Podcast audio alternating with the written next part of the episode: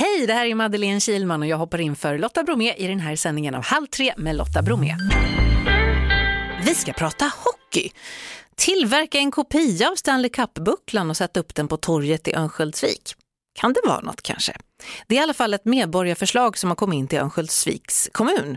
Stan och hockeylaget Modo har ju fostrat spelare som till exempel Peter Forsberg och Marcus Näslund som båda lyft bucklan. Jag har ringt till en riktig hockeyfantast från Örnsköldsvik, Pelle Belander. Hej! Hej på dig! Men du, vad tror du om det här förslaget då? En buckla på torget? Det tror jag är fantastiskt bra ur turist... Eh, det kommer att bli en turistattraktiv eh, buckla att gå och besöka och titta på. Allt folk som kommer hit med husbilar och husvagnar, de parkerar nere vid hamnen och sen tar de en promenad upp på torget och får se den här som är en, de ska göra en kopia, den blir en meter hög. Då går de dit, alla ska dit och titta på dem och sen ska ju alla ut i affären runt omkring och handla. Toppengrej för Övik. Man kanske, kan, man kanske kan döpa barn i det, man kanske kan utveckla själva, själva liksom bucklan-konceptet. Absolut, absolut. Du sa Marcus Näslund har fått det, men han har inte vunnit, vunnit bucklan. Utan de som har vunnit bucklan och spelat i Modo, det är Anders Kallur som har vunnit fyra gånger. Ah. Han, är, han är ju pappa till systrarna Susanne och Jenny Kallur, ja. Thomas Jonsson har vunnit två gånger, Peter Forsberg två gånger, Anders Eriksson en gång, Samuel Paulsson en gång och Viktor Hedman nu senast två gånger.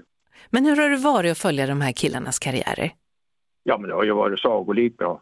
För lilla Övik så det, det har blivit, Övik har blivit känd över hela världen tack vare de här hockeykillarna. Du har ju koll också på de som spelar eh, over there så att säga. Ser du någon där som kanske kan få, få gravera in sitt namn på bucklan? Någon ja.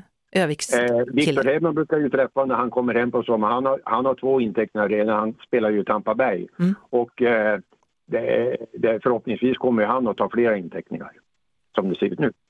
Modo Hockey den, ja. spelar ju i Hockeyallsvenskan och vann mot Vita Hästen, ja. 3-0. Finns ja, det någon men... chans för lag att komma tillbaka till SHL? Vad tror du?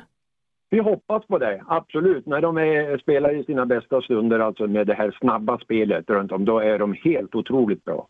Men däremot ibland när de blir tillbakapressade, då är de inte lika bra i defensiven. Några av backarna har inte varit alls lika bra, målvakten heller, som tidigare år. Men kedjorna är riktigt, riktigt bra då det går bra för dem då de är i, i toppform och har, åker skridskor och har tempo, då hinner de andra lagen inte med. Jag blir så nyfiken när jag pratar med dig som är en sån hockeyfantast. Vad har du för hockeydröm förresten? Har du varit och kollat på NHL och så? Nej, det har jag inte. Finns det, det kvar så att säga? Ja, det sitter framför där. Det har man. Man har följt de här killarna hela vägen. Sen man var liten då hette en berömd hockeyspelare i, i, i då hette det Alfredshems IK och det var Nicke Johansson. Han spelade så gott som hela matchen. Han hade en kondition som var sagolik. Helt över det normala. Så han kunde spela en hel match mm. utan att byta. Och, sådana, och han lever än, men han är, ja, det är en legendar. Det är någonting man kommer ihåg sin liten, liten grabb. Vad härligt att prata med någon som är så engagerad. Du tror att det blir någon buckla nu då? Det är ju ett förslag än så länge. Ja, det är ett förslag. Men då vi träffades på torget där och äh, pratade om det här, då var ju avgående kommunalrådet Per Nylén med och blivande kultur- och fritidsordförande Björn Olsson också med, olika partier. Men eh, de såg positivt på det alltihop och det här måste man ju se, än vilket parti man tillhör så måste man säga att det här kan göra någonting för Övik. Ett PR för Övik och bättre finns inte än det här. I, i, i fjol när Viktor Hedman var hemma här och hade pokalen med sig. De får ju ha den i 24 timmar när de har vunnit Stanley Cup. Och det var sånt folk nere i hamnen som var fullpackat. Mm. Vad häftigt. Fick du ta på den? Får man göra det? Får man peta på den? Ja, man ja. kan få ta det försiktigt. Men de har vakter omkring den. ja, jag hörde det. Följer med bucklan hela tiden. Ja.